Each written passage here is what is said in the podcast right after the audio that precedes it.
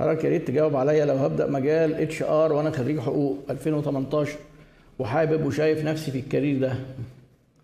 يا ريت تجاوب. إيه بقى؟ فين السؤال بقى؟ ما هو أنت هتدخل HR يعني المفروض كده أنا هفترض السؤال إن أنت قصدك أعمل إيه؟ إيه ما دام حبيت ال HR وشايف نفسك في ال career ده أكيد مارسته. فاضل حتة. هل درسته ولا ما درستوش؟ محتاج تدرس اتش ار تدرس اتش ار تقرأ كتب اتش ار مراجع محترمة. كتير أحدها كتاب اسمه ديسلر طبعا ده English لا هتقول لي الإنجليزي بتاعي ضعيف وقف ال HR خالص وروح خد كورسات English لأن HR عربي غير بالإنجليزي خالص. هيبقى أنت بتتكلم مع شريحة تانية من الوظائف والشركات.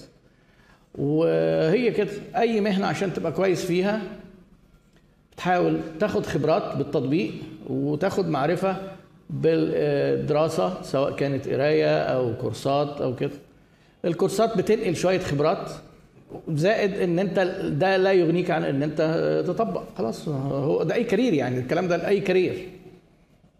ال HR كمان دلوقتي كبرت وبقى فيها تخصصات. اعرف الأول الجنرال وبعدين شوف بقى إيه في الاتش ار الاتش ار فيها كلام دلوقتي يعني بقى في إدارة HR ويبقى متقسم الشغل على كذا حد. هل حتى يكون الهدف هل حتى يكون هدف ال brand واضح؟ لازم أستهدف صنف واحد من الجمهور اللي هي قصدك شريحة واحدة يعني. حتى ما هو أنت الاستهداف اللي هو ال targeting ده موضوع في التسويق مهم. قبليه ال segmentation تعرف تقسم السوق عشان تعرف ال segment بتاعتك مين. الكلام ده حسب الاستراتيجية وحسب المنتجات بتاعتك. يعني تبقى عارف انت ه target شريحة واحدة ولا اتنين أو ثلاثة مش لازم على فكرة مش لازم تبقى ب target شريحة واحدة. مش لازم ومش مش حاجة تعيب ال brand إن هو بي target كذا شريحة. هتحتاج شغل أكتر شوية. لكن لا مش شرط خالص. وأنا في لما باجي أتكلم عن ال branding وعامل أنا جزء مهم يعني جزء كبير في الدبلومة عن ال branding لما نيجي نبص شركة مرسيدس إجابة على سؤالك ما هي بتبيع عربيات نقل لسواقين النقل وبتبيع عربيات فخمة ملاكي وبتبيع اتوبيسات فمرسيدس مستهدفة شرائح مختلفة بمنتجات مختلفة. ما فيش تعارض ما فيش تعارض ما بينهم.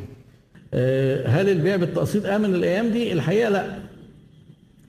الحقيقة لا طبعا. هو الموضوع آمن ده أحد عناصر. ما هو ناس كتير بيسألوا عن البيع التقسيط والآجل وإيه رأيك ونبيع آجل ولا ما نبيعش آجل؟ إيه رأيك أنت؟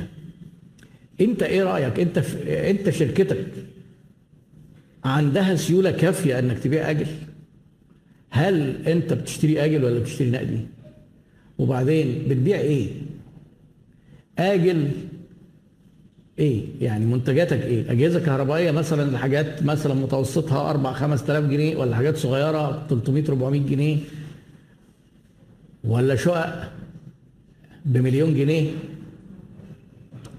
في كل الأحوال الكاش لازم تبقى حاسب حساب الكاش. وفي حاجة لل cash flow تعمل cash flow forecasting وتعمل budgeting لأن بيع الاجل ده ليه حسبه وأنا شرحتها في live قبل كده ان انت هتاخد مثلا هتاخد مقدم ولا مش هتاخد؟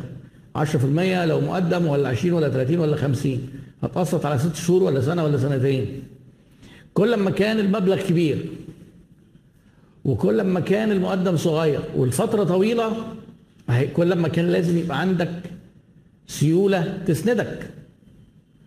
وأنا قلت لكم في اللايف اللي فات اتذكر يمكن ان ان من ضمن المشاكل.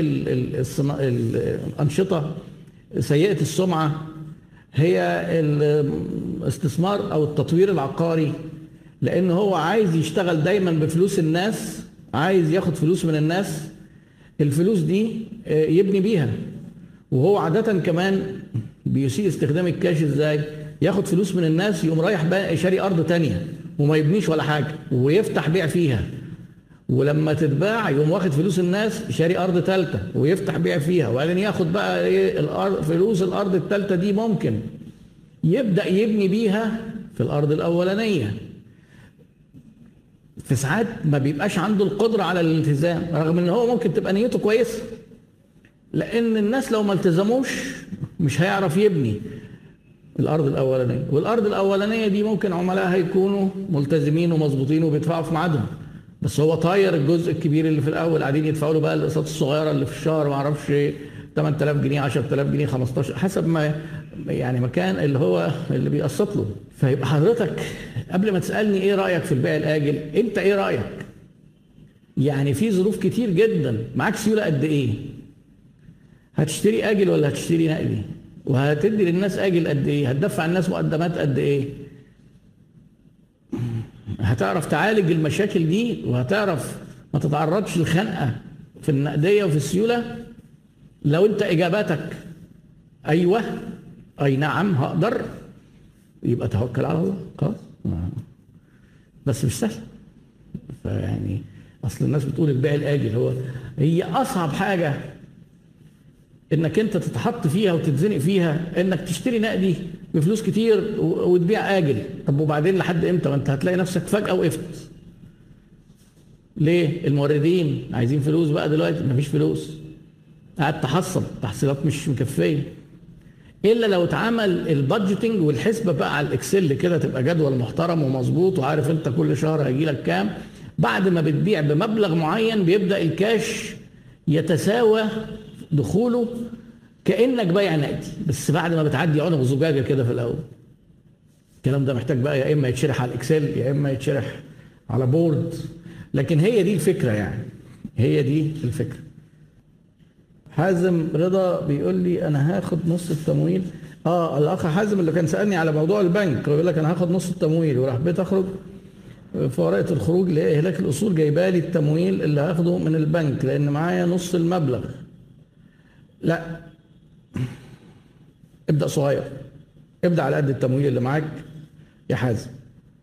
وبعدين أنا بقول لك إيه الأفضل لك. يعني أنت لو عايز أنت تقنعني. لا خلاص لو أنت مقتنع okay توكل على الله. يعني ساعات في ناس بتسألني أو حتى على group عيادة الشركات يحط السؤال كده ويحط السؤال موجه بحيث إن هو نفسه الناس تقول إجابة معينة.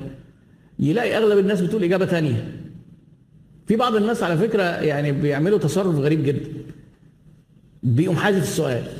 ما عجبتوش الإجابات. يقوم حاذف السؤال مثلا يعني. ليه؟ ما هو كان نفسه الناس تقول له آه ده أنت كده تمام وصح وزي الفل.